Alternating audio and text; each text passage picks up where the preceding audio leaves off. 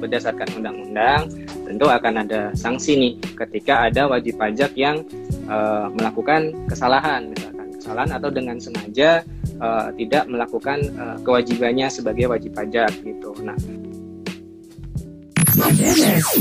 online podcast.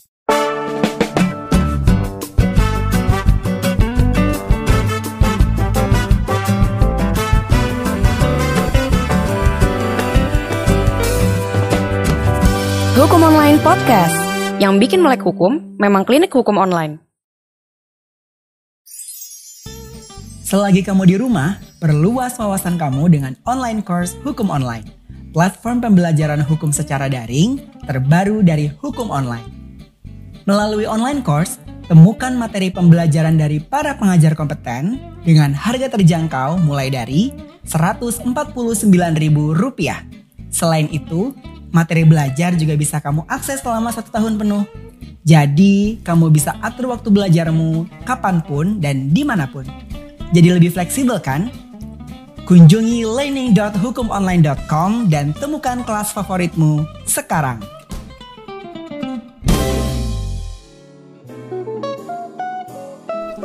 Oke, halo selamat sore teman-teman Klinik Hukum Online. Selamat datang di live Instagram Klinik Hukum Online. Di sore hari ini selama satu jam ke depan, aku Aurel bakal nemenin kalian untuk bincang-bincang nih uh, soal perpajakan. Nah, di topik sore hari ini kita mengambil judul mengenal pajak lebih dekat. Aku nggak bakal sendiri, di sini nanti bakal ditemenin sama Mas Rizko. Mas Rizko ini merupakan tax consultant dari MUC Consult. Halo Mas Rizko. Halo Mbak Aurel. Selamat sore Mbak. Sehat-sehat Mas Rizko?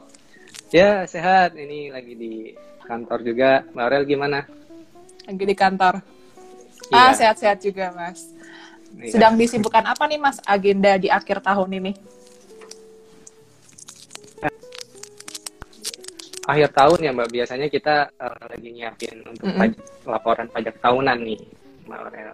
Uh, entah itu uh, mm -hmm. SPTPP Badan dan kalau di uh, apa ada PPh 21 juga gitu. Jadi memang lagi cukup banyak nih pekerjaan. Ah, kita bakal ngobrolin soal pajak nih, Mas. Jadi buat teman-teman okay. klinik kan uh, selain kita melek hukum nih, kita juga harus melek pajak nih, Mas ceritanya. Jadi kalau misalnya kita dengar kata pajak kan kadang-kadang kita suka uh, bingung gitu ya, pajak nih bahasnya apa gitu atau mungkin uh, bahasanya takut berat gitu soal pajak. Tapi kalau kita sore hari ini bakal ngobrol-ngobrolnya yang ringan-ringan aja ya Mas ya. ya uh, okay. Sebelumnya nih Mas, boleh dijelasin nih Mas kan uh, teman teman-teman klinik kan pasti pada banyak yang awam gitu yang belum tahu apa tuh mm MUC Consulting. Nah, uh, boleh dijelasin Mas MUC Consulting ini apa sih? Consulting. Jadi MUC Consulting ini merupakan uh, salah satu perusahaan nih Bawrel yang bergerak di bidang uh, jasa konsultan yaitu uh, uh, salah satunya konsultan pajak gitu. Nah kita ngapain aja gitu di sini gitu, bukan uh, mungkin uh, beberapa image gitu ya dari teman-teman bahwa konsultan pajak itu uh, bikin pajak lebih kecil gitu, nggak seperti itu gitu. Jadi uh, kita di sini uh, membantu, gitu, membantu para wajib pajak untuk uh, melaksanakan hak dan kewajiban perpajakannya gitu. Jadi misalkan uh, dari sisi perhitungannya atau mungkin dari uh, pelaporannya seperti itu singkatnya Mbak Oke, uh, buat yang kepo-kepo ada websitenya juga ya Mas ya, MUC Consulting. Iya, ada websitenya, ada Instagramnya juga, follow, ada YouTube-nya juga di situ. Jadi di situ ada beberapa tutorial yang mungkin uh, bermanfaat buat teman-teman semua. Oke Mas, uh, seperti yang kita ketahui nih Mas, kan kalau pajak ini salah satu sumber utama penerimaan negara. Dan bahkan menurut data ini di tahun 2019, pundi-pundi negara dari penghutang perpajakan ini bahkan mencapai angka sebesar 1.545,3 triliun rupiah. Nah, itu kan angka yang iya. sangat besar sekali ya Mas ya. Dan bahkan mungkin orang-orang di sini masyarakat umum kayak nggak tahu gitu triliun berapa nih angkanya nolnya berapa gitu nah tapi dengan besarnya penerimaan pajak ini kan nggak semua dari kita tuh paham ternyata pajak ini uh, keberadaan pajak, eksistensi pajak ini deket banget sama kehidupan kita sehari-hari. Nah, Mas Wisco, boleh dong dijelasin ya, apa aja sih bentuk-bentuk pajak yang sangat dekat gitu sama kehidupan kita sehari-hari? Silakan, Mas. Oke, Mbak Aurel. Jadi mungkin sebelum lebih jauh gitu ya kita uh, berdiskusi terkait pajak, mungkin kita kenalan dulu nih apa sih uh, pajak itu gitu kan. Uh, mungkin uh, teman-teman semua juga pernah dengar istilah lain kayak misalkan uh, ada sumbangan, ada juga istilah uh, retribusi gitu ya. Nah, kira-kira apa nih yang membedakan antara pajak, antara sumbangan dan retribusi gitu. Nah, mungkin uh, mulai dulu dari misalkan sumbangan ya. Jadi mungkin teman-teman juga udah nggak hmm.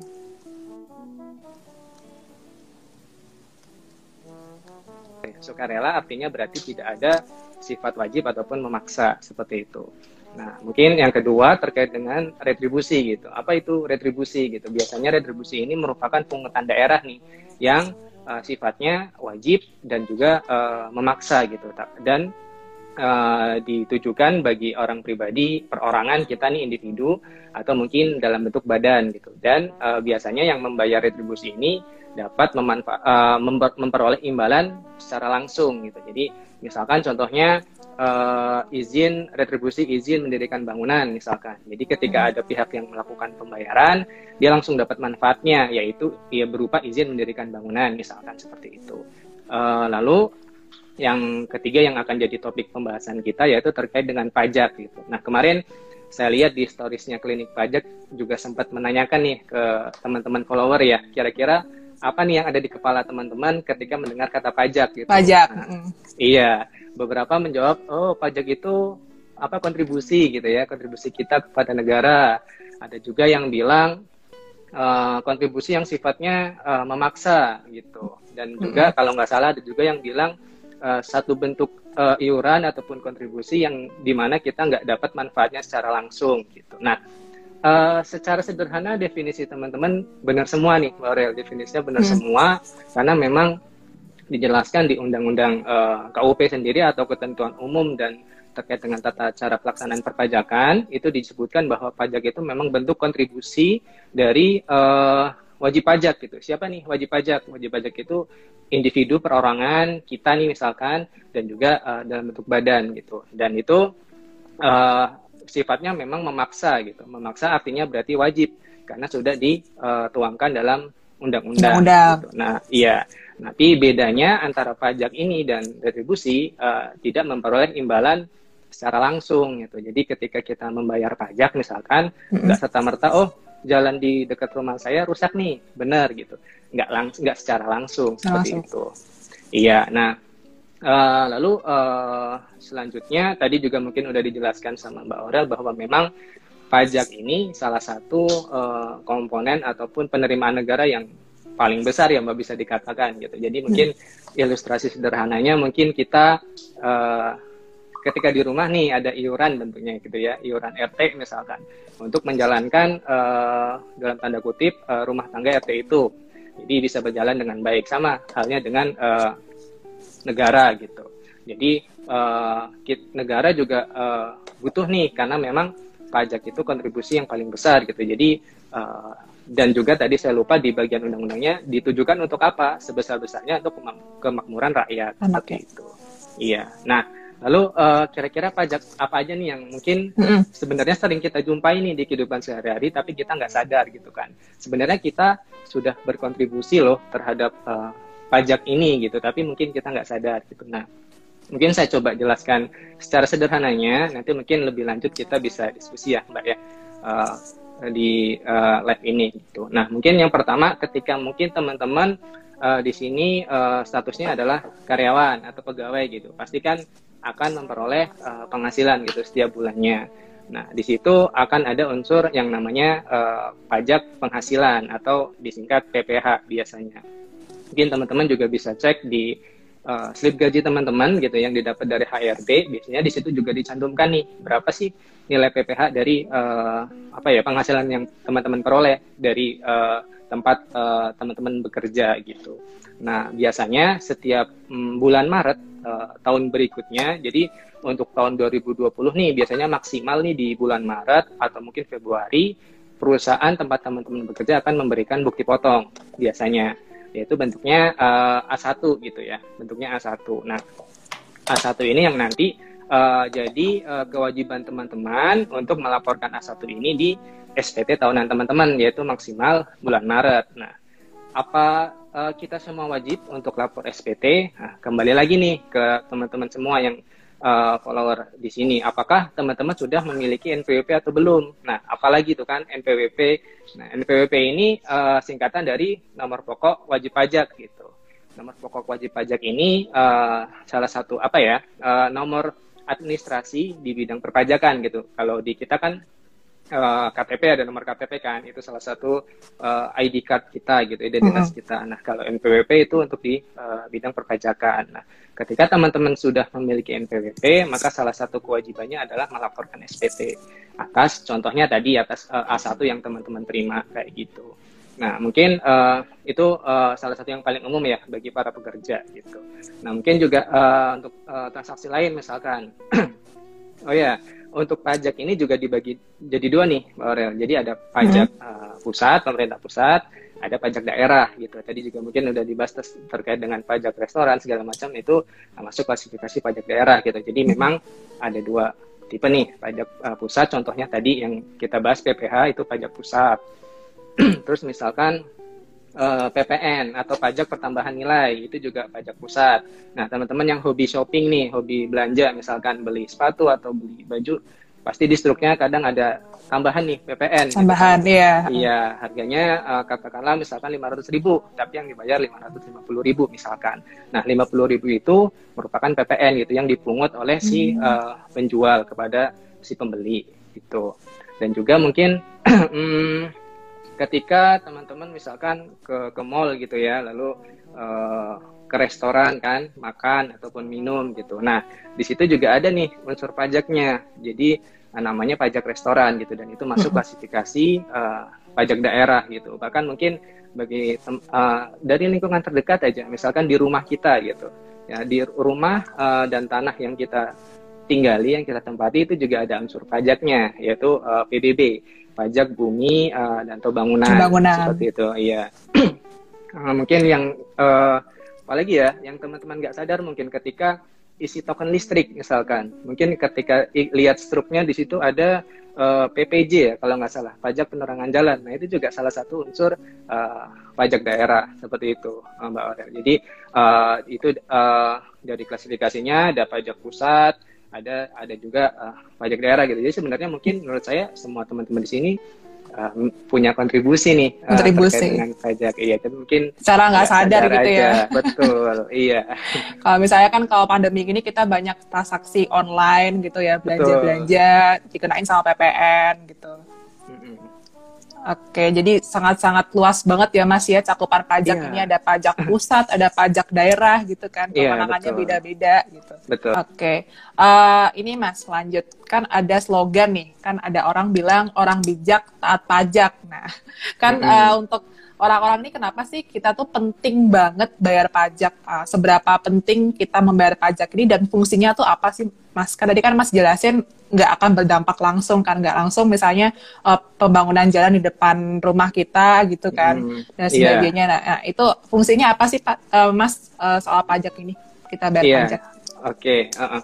Jadi memang uh, kembali lagi nih ke yang tadi kita bahas di awal gitu. Kan hmm. pajak uh, salah satu komponen uh, penerimaan negara yang uh, paling besar nih. Jadi uh, seberapa penting? Uh, ya penting karena memang ketika tidak ada penerimaan pajak ini, ya negara tidak bisa menjalankan uh, aktivitas rumah tangganya dalam hal ini misalkan melakukan uh, pembangunan, misalkan terkait dengan sarana uh, umum ataupun mungkin terkait dengan uh, pendidikan dan segala macam gitu. Tapi uh, benar yang tadi Mbak Aurel bilang bahwa kita hmm tidak akan mendapatkan manfaatnya secara langsung. Kenapa? Gitu? Karena mungkin dalam aplikasinya uh, di sini negara ataupun uh, dalam hal ini pemerintah punya prosedur nih kira-kira mana nih yang uh, menjadi prioritas seperti itu kan. Mungkin uh, jalan di dekat uh, rumah teman-teman rusak nih gitu. Tapi ternyata ada di tempat lain yang justru belum punya jalan misalkan kayak gitu uh, dan itu juga uh, kita harus lihat lagi nih uh,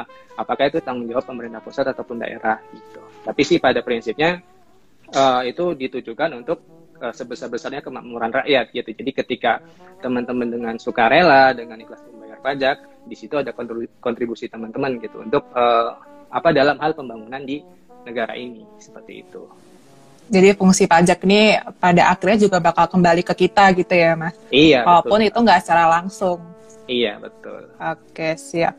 Nah, uh, tadi kan kita memang diwajibkan gitu ya, Mas, uh, Mm-mm. menurut undang-undang untuk membayar pajak. Nah, gimana Mm-mm. kalau misalnya uh, orang itu seng- dengan sengaja gitu menghindari pembayaran pajak ini atau tidak membayar pajak atau bisa dibilang kayak nggak tahu nih ternyata harus bayar pajak di tanggal ini, jadi telat bayar pajaknya. Ada sanksinya nggak sih, Mas? Ya, karena s- eh, sifat dari pajak itu sendiri eh, memaksa gitu ya, dan dalam Mhm. artian wajib gitu, berdasarkan undang-undang, tentu akan ada sanksi nih ketika ada wajib pajak yang eh, melakukan kesalahan, misalkan kesalahan atau dengan sengaja eh, tidak melakukan eh, kewajibannya sebagai wajib pajak gitu. Nah, mungkin bisa dibagi eh, sebagai gambaran sederhana, bisa dibagi menjadi dua nih sanksinya, misalkan eh, ada sanksi administrasi ada juga uh, sanksi bahkan sanksi pidana nih Mbak Aurel gitu. Yang pertama terkait dengan sanksi administrasi dibagi lagi nih menjadi tiga. Ada sanksi administrasi berupa denda, ada sanksi administrasi berupa bunga, dan juga ada sanksi kenaikan. Nah mungkin kita akan bahas yang uh, dari kehidupan sehari-hari nih.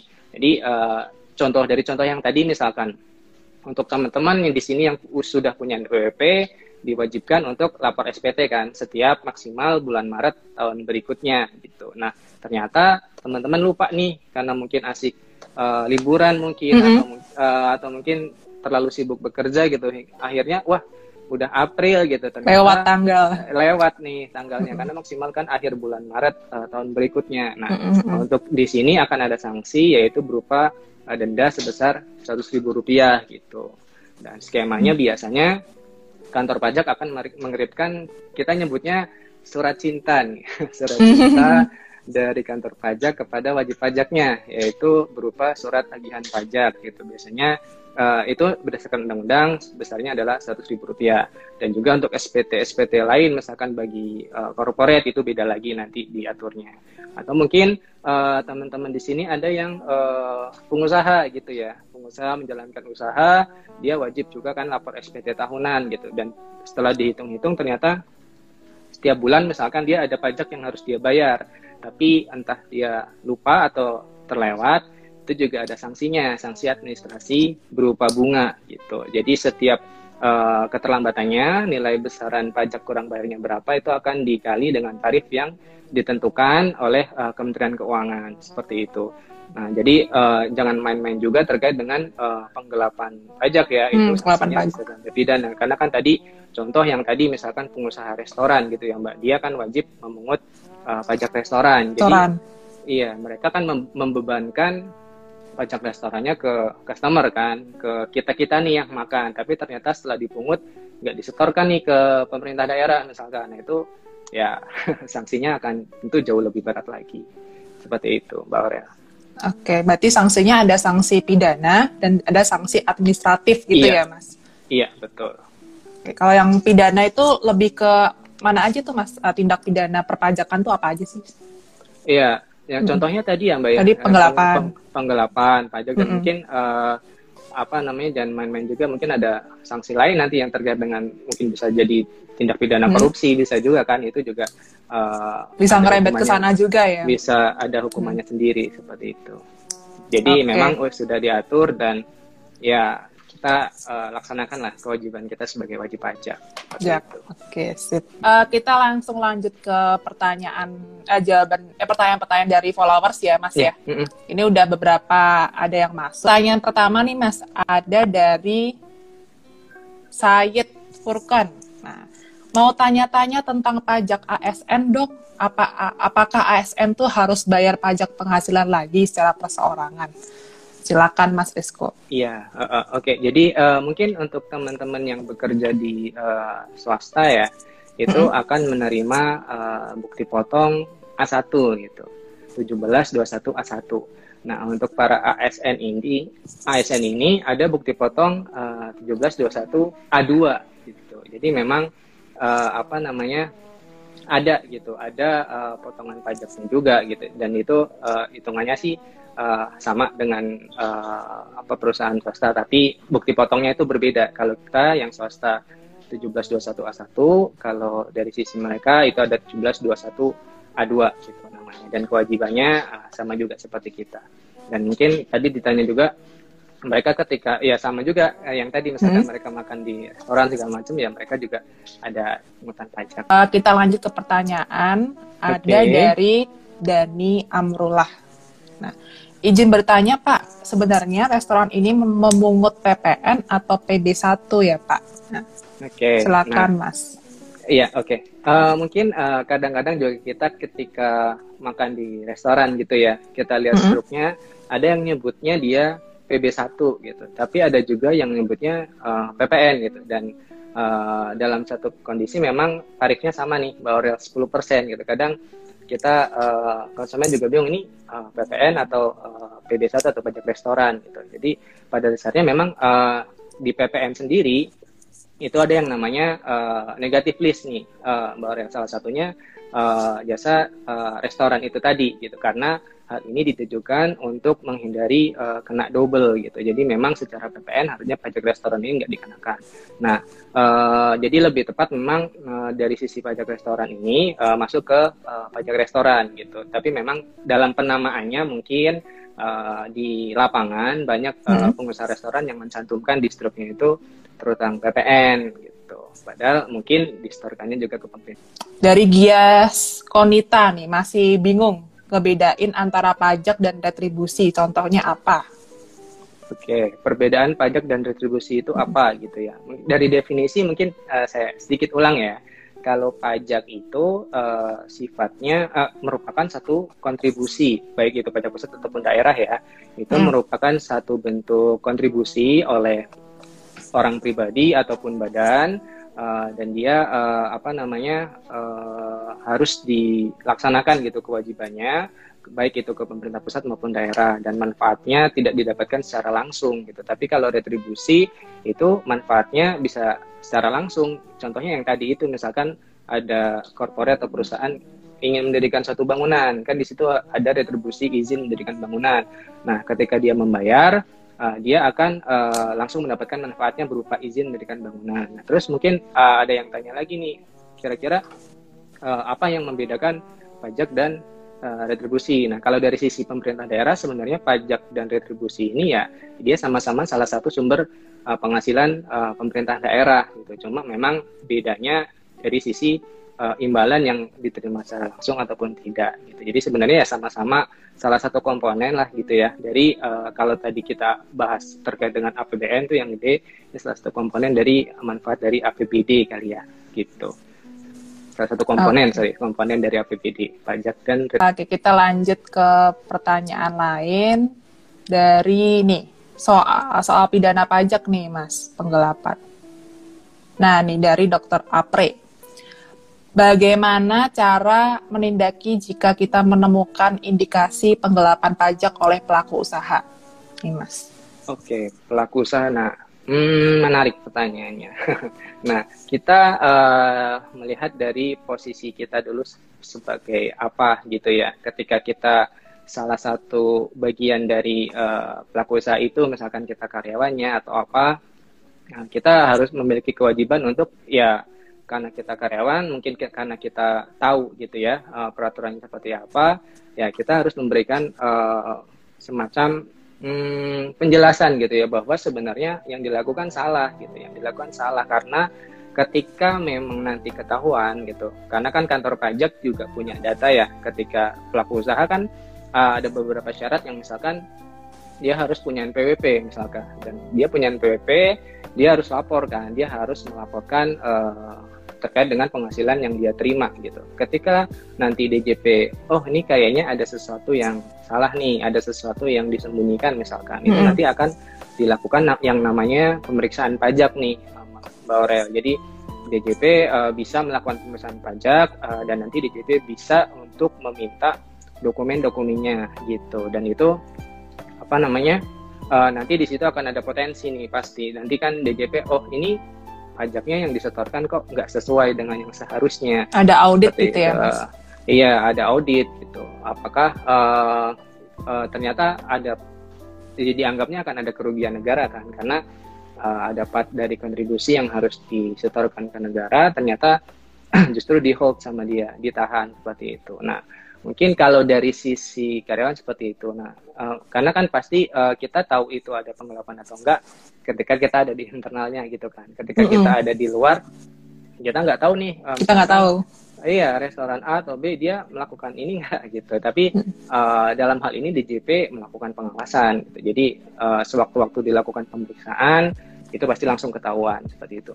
Jadi jadilah ketika memang jadi bagian dari pelaku usaha itu uh, berilah penjelasan gitu jadi ini uh, akan ada potensi yang uh, merugikan negara dan juga merugikan uh, pelaku usaha itu sendiri gitu. Mm -hmm. Oke, berarti dari DJP sendiri juga melakukan monitoring gitu ya, Mas? Kalau misalnya iya, ada betul. kejanggalan laporan gitu ya? Iya, betul. Oh, untuk melapornya tuh bisa ke mana tuh, Mas? Uh, mungkin kalau ada website online-nya gitu? Iya, kalau uh, eh, DJP sendiri sih sebenarnya ada ini ya, ada namanya kering pajak seperti itu. Tapi kan maksud saya uh, balik lagi, uh, ketika kita orang awam agak sulit hmm. gitu ya mengetahuinya. Dan bahkan kalau kita uh, internal pun uh, kita lapor ke DJP-nya uh, kayak apa ya uh, mungkin bisa aja kita hmm. berkonsultasi atau mungkin kita memberikan ini uh, di perusahaan saya ada sesuatu yang aneh itu bisa aja. Nah, karena uh, nanti dia akan cek NPWP-nya dan dia akan cek administrasi perpajakannya gitu. Tapi mungkin akan lebih baik lagi gitu ketika yang tadi yang mbak uh, kita memberikan penjelasan sebisa mungkin kita bisa mengubah gitu sesuatu yang salah tadi gitu. Itu akan jadi lebih baik seperti itu. Tapi untuk teman-teman yang uh, dari sisi pengaduan ataupun dari sisi bertanya, hmm. ada tuh di pengaduan.pajak.id di situ. Atau ada juga tempat kita bertanya-tanya ke DJP gitu, namanya uh, kering pajak itu juga ada. Jadi ada uh, saluran komunikasi antara hmm. wajib pajak dan uh, apa DJP gitu atau DJP. atau kantor pajak gitu. Jadi uh, kita nggak uh, kita harus tahu semua tentang pajak nih. Kita harus baca semua peraturan pajak nih enggak gitu. Nanti kita hmm. bisa pusing sendiri gitu. Jadi yeah. kita bisa kita bisa nanya yang memang kita perlukan gitu kan. Itu bisa ada sarananya seperti itu.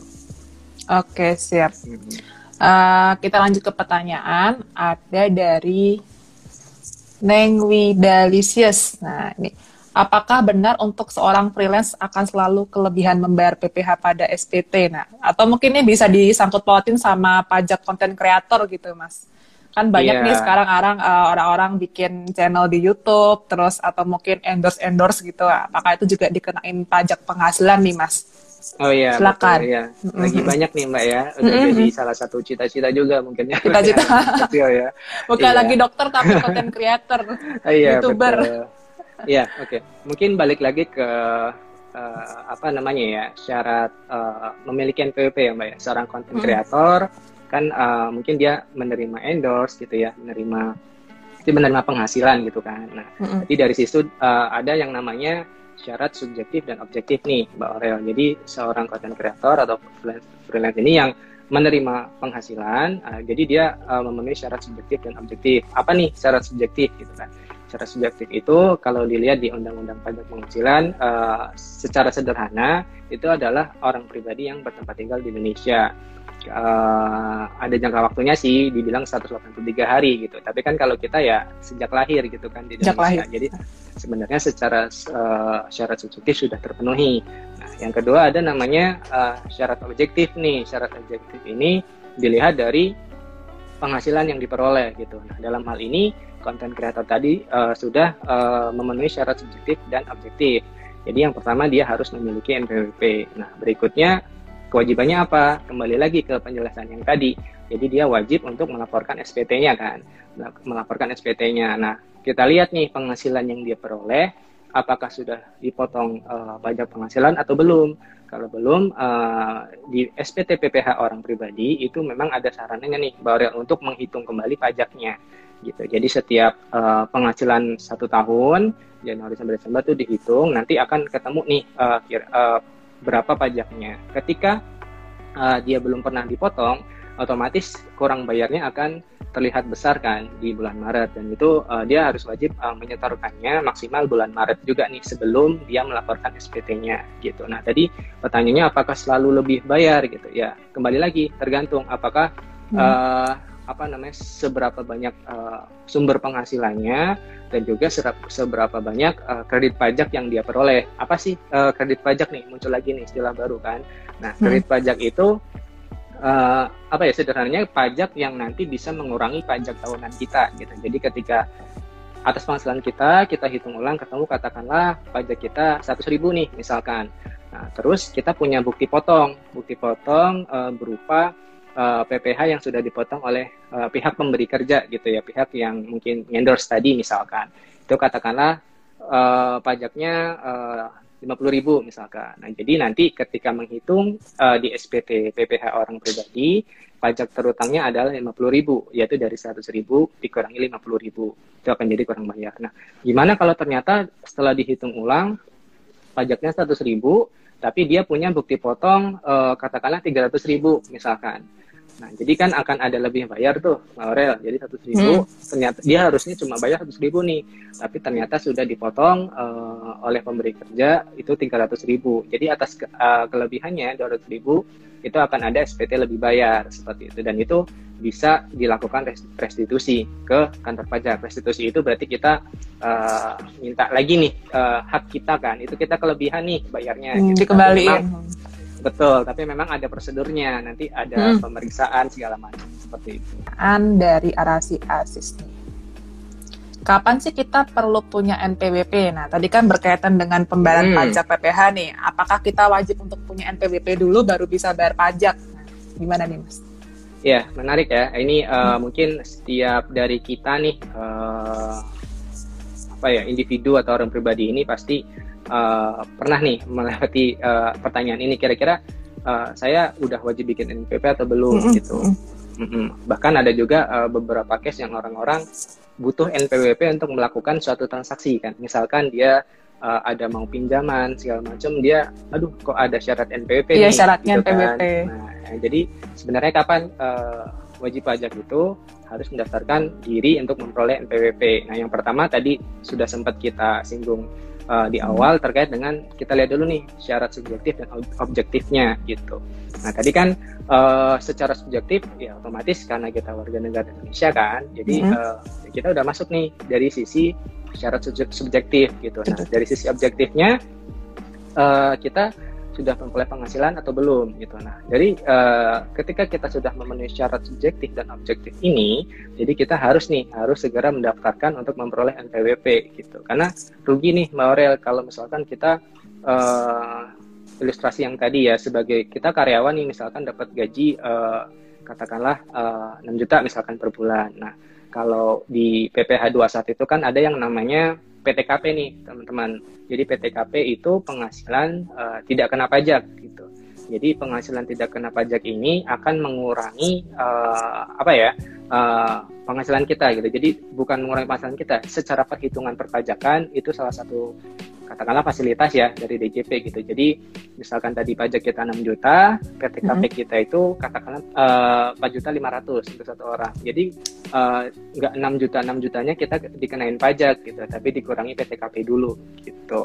Nanti setelah dikurangi PTKP akan ketemu apa namanya pajak terutangnya. Nah, uh, jadi kembali lagi ke pertanyaan tadi, uh, memang uh, dilihat lagi nih, ketika syarat subjektif dan objektifnya sudah terpenuhi, maka dia harus memiliki BPP. Oh ya, sorry, tadi saya mau bahas ruginya ya.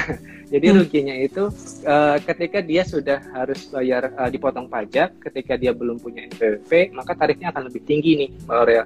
Jadi kan kalau di PPh uh, 21 itu, kalau teman-teman bisa mau cek lebih detail di pasal 17 Undang-Undang PPh, itu PPh 21 kita tarifnya progresif. Jadi mulai dari 5%, 15%, 25% sampai 30% gitu. Jadi tergantung range penghasilannya. Jadi untuk yang 5% 0 sampai 50 juta akan dikenai 5%. Uh, lalu ada uh, 200 sampai 250 dan seterusnya gitu ya Mbak sampai maksimal 300 juta. Nah, uh, ketika kita belum punya NPWP itu akan dikenai tarif lebih tinggi yaitu uh, yang 5% tadi akan jadi 6%. Berapa tuh?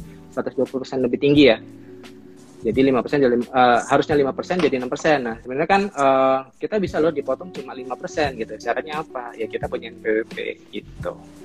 Oke, berarti kalau misalnya kita udah memenuhi syarat tadi subjektif sama syarat yang objektif. objektif, ah, Iya. itu kita bisa aja bikin NPWP gitu. Dan kalau keruginya tadi bisa dikenain lebih besar gitu ya, Mas ya? Untuk Iya, ruginya itu Hmm. dan mungkin eh, ini juga kita bikin PWP-nya eh, di mana gitu kan ada pertanyaan mungkin seperti itu. Oh iya, ah, ah. Uh, uh, kita bikin PWP-nya di mana sih gitu. Nah, memang uh, dan syaratnya apa? Kita bisa memperoleh PWP dan uh, kita bisa mengajukan permohonannya via apa gitu kan. Nah, uh, jadi tiap individu ataupun orang pribadi, perorangan yang ingin memiliki Hmm. PWP itu bisa mengajukan permohonan uh, untuk memiliki PWP ke KPP tempat teman-teman uh, sesuai dengan alamat KTP gitu, sesuai dengan alamat KTP dengan membawa fotokopi KTP. Nanti di sana akan ada formnya atau bisa juga eh, kantor eh, ada nih DJP mempermudah lagi karena sekarang serba online kan. Mhm. Serba online bisa lewat eh, namanya e-reg,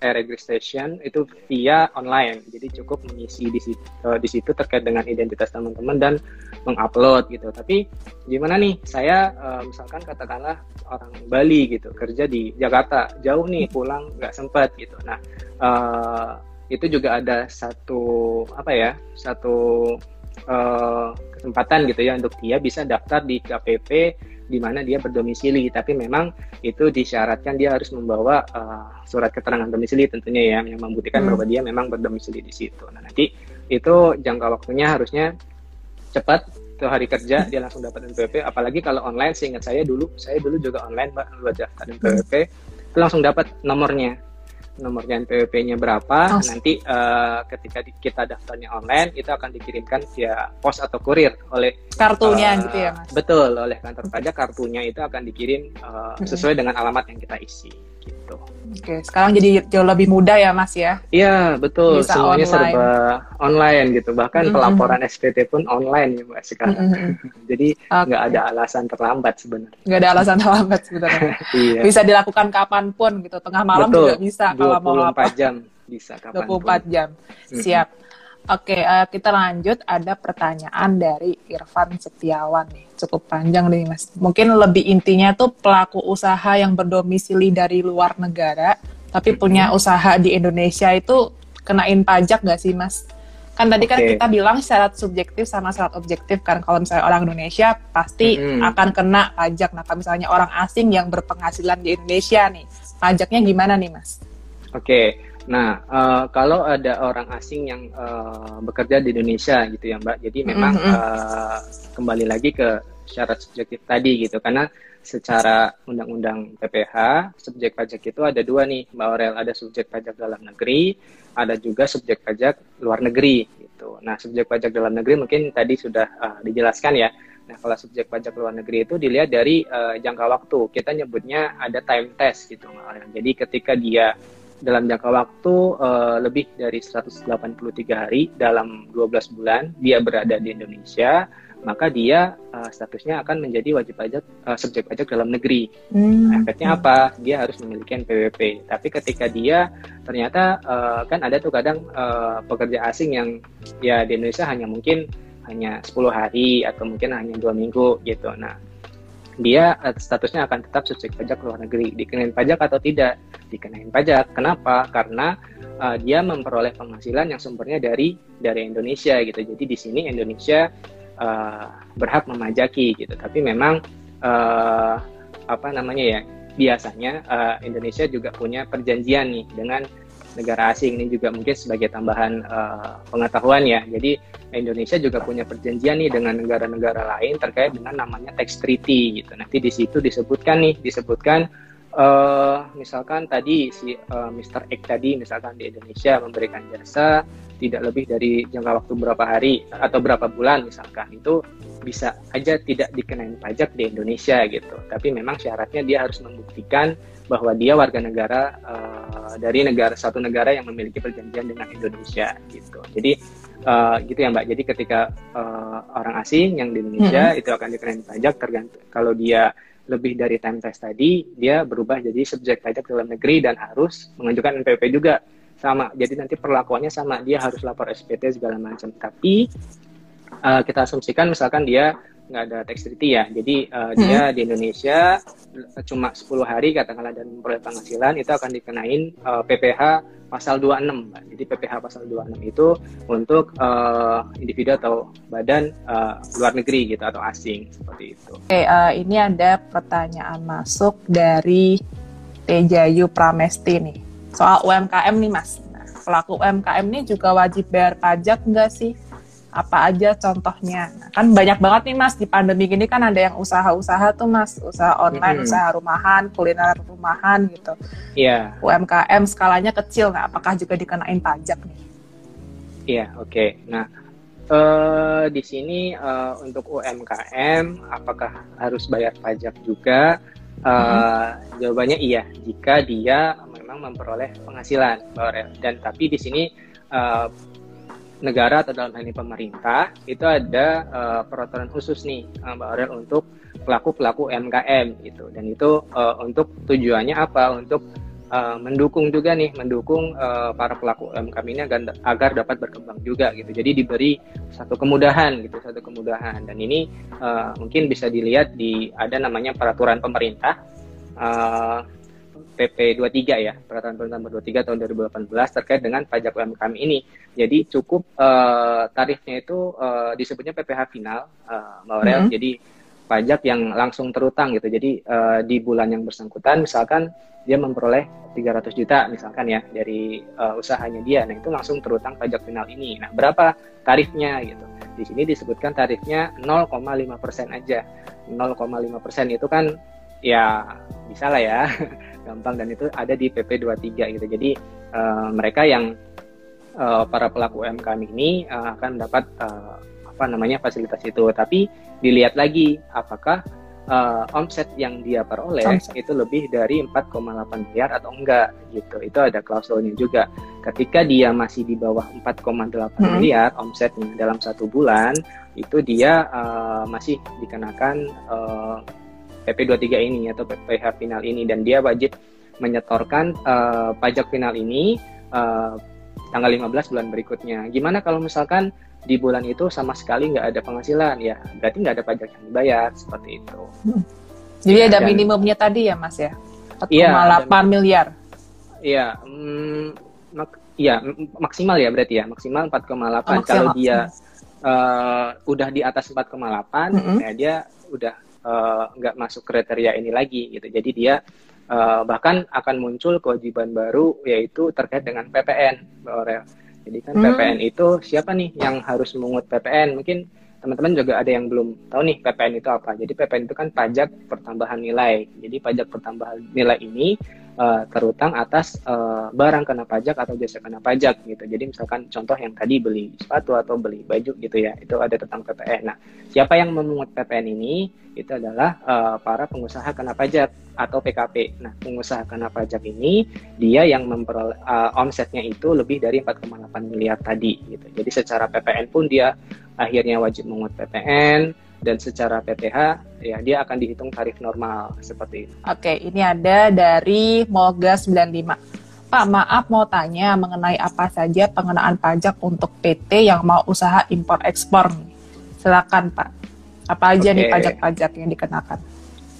Oke, nah mungkin uh, untuk uh, teman-teman yang lain juga nih, jadi uh, untuk perusahaan ataupun PT itu salah satu bentuk usaha yang dia lakukan adalah bisa aja impor kan, impor untuk memenuhi uh, kebutuhan dia, atau bisa juga dia uh, melakukan ekspor gitu kan, ekspansi penjualan dia mungkin nggak cuma di lokal tapi juga ke luar negeri gitu. Nah biasanya uh, di sini mungkin yang perlu diperhatikan terkait dengan uh, apa namanya pajak uh, terkait dengan bea cukai gitu ya. Ada juga terkait dengan bea cukai itu biasanya ekspor impor ini hubungannya bukan lagi dengan uh, ada instansi lagi nih. Kan tadi kita nyebut DJP Direktorat Jenderal Pajak. Ada juga uh, Dijen uh, Bea dan Cukai gitu. Jadi di sini uh, biasanya kalau ekspor kalau ekspor itu uh, dia terutang PPN nih, tapi 0% tarifnya. Itu uh, bisa dicek lagi uh, di apa namanya peraturannya dia terutang PPN tapi 0%. Artinya apa? Artinya tetap ada kewajiban untuk melaporkan gitu kan ke uh, KPP walaupun dia pajaknya 0%, tapi tetap tidak menghilangkan kewajiban dia untuk melaporkan pajaknya itu. Nah, terus terkait dengan impor. Nah, impor ini mungkin secara sederhananya itu ada uh, biaya masuk nih, uh, Mbak Aurel. Biaya masuk tarifnya juga uh, variatif ditentukan oleh uh, ada peraturannya ya uh, terkait hmm. dengan biaya masuk. Uh, dikenakan juga biasanya hmm, PPh 22 atas impor. PPh 22 atas impor, ada lagi misalkan PPN atau bahkan uh, pajak uh, PPNBM, pajak penjualan atas barang mewah gitu. Jadi tergantung nih barang yang diimpor apa ketika uh, itu masuk klasifikasi barang mewah maka dia akan kena PPNBM juga gitu. Kurang lebih seperti itu. Soal ini mas makan dan minum. Misalnya itu kayak pajak restoran tadi tuh. Iya. nah itu uh, kalau misalnya kita jajan di warung-warung di pinggir jalan kan nggak dikenain pajak tuh. Nah apa sih yang membedakan kenapa ada pajak restoran ini uh, objeknya tuh apa tuh mas? Misalnya harus harus restoran yang beromset berapa baru bisa dikenain pajak restoran. Kenapa kalau misalnya kita jajan di pinggir jalan nggak dikenain pajak? Iya. Bisa okay. dibantu dijelasin, mas? Iya. Pada prinsipnya sih, uh, pada prinsipnya kembali lagi ke ini ya syarat yang tadi gitu. Sebenarnya hmm. sebetulnya dari sisi syarat subjektif atau objektif gitu, setiap orang yang memperoleh penghasilan uh, pasti ada unsur pajaknya statusnya gitu. Jadi ketika ada yang berjualan gitu kan tadi berarti kan dia masuk ke klasifikasi uh, pengusaha ya. Dia uh, men, apa melakukan uh, penjualan barang ataupun satu produk gitu kan. Itu juga harusnya sih tetapnya ada unsur pajak gitu. Tapi untuk dari sisi uh, restoran itu uh, kembali lagi secara legalitas memang mereka kan sebuah badan ya, sebuah badan yang memang syarat-syaratnya untuk uh, mendirikan usaha itu salah satunya adalah punya PWP kan. Nah, jadi dia ada kewajiban untuk memungut pajak restoran dan itu salah satu uh, sumber penghasilan dari pemerintah daerah. Nah, kalau pertanyaannya gimana kalau yang tadi uh, pedagang pedagang ngasongan gitu hmm. ya ini kembali lagi sebenarnya ke seolah-olah kan kayak ih kok uh, semuanya bayar pajak gitu kan ya sebagai bentuk salah satu bentuk kontribusi kita kenapa enggak gitu kan. Dan toh tarifnya juga dibedakan gitu antara uh, uh, perusahaan yang memang atau perorangan yang memiliki penghasilan yang tinggi atau dengan orang-orang atau badan yang memiliki penghasilan yang lebih rendah itu tarifnya di, dibedakan. Dan bahkan untuk para pelaku UMKM juga dipermudahkan terkait dengan uh, tarif perpajakannya gitu. Jadi uh, kurang lebih sih seperti itu sih Mbak Aurel jadi uh, ya sebenarnya kita semua bisa berkontribusi dalam bentuk pajak ini gitu dengan uh, peran kita masing-masing seperti itu. Oke, semoga tadi tercerahkan ya kenapa hmm. bisa berbeda gitu ya. Iya, tanyanya ya uh, karena kenapa kok dia nggak mengut pajak ya karena memang dia nggak punya NPWP kan dia nggak punya NPWP hmm. dan mungkin dan mungkin juga tidak terdata kan tidak terdata juga tidak terdata. gitu. uh, ini masih berkaitan soal NPWP nih tadi barusan Mas singgung. Ada dari March Legal nih. Nah apakah NPWP sebagai persyaratan kredit bank juga dapat memotong bunga angsuran? Silakan Mas. Uh, memotong bunga angsuran ya. Ini dari sisi bunganya ya berarti ya, bukan mm -hmm. banknya ya. Karena kalau bunga bank itu uh, kredit persyaratan kredit bank gitu. Mungkin uh, kita bagi dua dulu ya. Jadi kan kalau kita nabung di uh, bank nih, jadi uh, kita akan dapat uh, ini saya coba uh, cari ini ya kayak simulasi gitu ya. Jadi yang pertama terkait dengan kita uh, naruh uh, tabungan kita di bank gitu kan misalkan nanti uh, kita akan dapat bunga gitu. Nah, kalau di sini ada unsur PPh final dan PPh final ini uh, tidak pandang apakah dia punya NBP atau enggak. Nah, cuma kalau dari sisi ketika kita misalkan minjem minjem uang ke bank, sejujurnya uh, dari sisi angsuran itu kebijakan uh, dari masing-masing pemberi pinjaman ya mbak ya apakah memang uh, ada syarat ketika dia punya NPWP itu uh, bunganya jadi lebih rendah atau enggak gitu tapi secara peraturan perpajakan sih sebenarnya nggak ada sangkut pautnya sih dengan uh, ketika dia melakukan pinjaman apakah itu memotong bunganya gitu dari sisi bunganya itu itu nggak ada jadi itu kembali lagi ke si pemberi pinjamannya mbak Aurel. Hmm. Tapi memang Adi. biasanya sih mereka mensyaratkan punya NPWP ya biasanya karena hmm. uh, untuk menjamin juga nih untuk menjamin mereka bahwa memang orang ini punya penghasilan nih orang ini punya kemampuan ke depannya untuk melakukan uh, pelunasan atas pinjaman yang dia lakukan. Berkaitan soal uh, ASN nih Mas. Mas kalau PPh 21 atas gaji ASN terhadap ASN yang di atas PTKP itu standar dikenakannya berapa persen ya Mas? Oke, berarti ini uh, lebih ke arah tarif PPh 21 ya hmm, tarif ya. Iya, oke. Okay. Uh, eh, mungkin uh, siapa nih Mas Agung ya? Mas Agung di sini bisa uh, coba cek untuk lebih detailnya ada di uh, pasal 17 Undang-Undang Pajak Penghasilan gitu. Jadi di situ ada ada dalam bentuk tabel gitu dia ngasih range-nya kira-kira penghasilan ini masuk range yang mana. Ketika dia uh, 0 sampai 50 juta katakanlah itu dia dapat uh, apa? Hmm, tarif 5% gitu. Jadi ketika dia 50 juta sampai 250 juta itu dia akan kena tarif 15%. Nah, lalu berikutnya ada 25% untuk penghasilan 250 sampai 500 juta. Ketika dia penghasilannya di atas 500 uh, penghasilan kena pajaknya di atas 500 juta itu dikenakan apa namanya tarif 30%. Nah, penghasilan kena pajak ini yang uh, tadi juga sempat kita diskusikan ya, itu diperoleh dari penghasilan bruto dia dikurangi dengan uh, pengurang-pengurang. Contohnya PTKP itu tadi. Jadi setiap uh, individu perorangan itu uh, ada penghasilan tidak kena pajak. Mungkin sebagai gambaran tadi untuk tiap individu nih kita nih itu tiap bulan 4 juta 500 gitu. Kalau disetahunkan itu 54 juta ya itu untuk hmm. setahun nih. Jadi kita ada penghasilan tidak kena pajak sebesar 54 juta gitu. Dan itu juga tercantum di bukti potong. Dan itu bukti uh, untuk PTKP juga macam-macam nih tergantung dengan tanggungan teman-teman gitu. Jadi untuk teman-teman yang tadi mungkin tadi juga saya lihat di kolom komentar ada yang nyebut hmm. uh, eh, TK 0 gitu misalkan. Nah, TK 0 itu status untuk orang pribadi ataupun individu yang memang dia belum memiliki tanggungan atau secara sederhananya mungkin dia belum menikah gitu ya, masih single. Jadi statusnya akan TK 0. Tapi ketika dia sudah menikah gitu, dia kan punya tanggungan nih. Misalkan dia uh, laki-laki, jadi dia punya tanggungan seorang istri kan itu nanti statusnya PTKP-nya bisa berubah nih jadi K0 jadi nambah lagi PTKP-nya yang tadinya 54 juta gitu kan nambah lagi dapat tambahan 4,5 juta.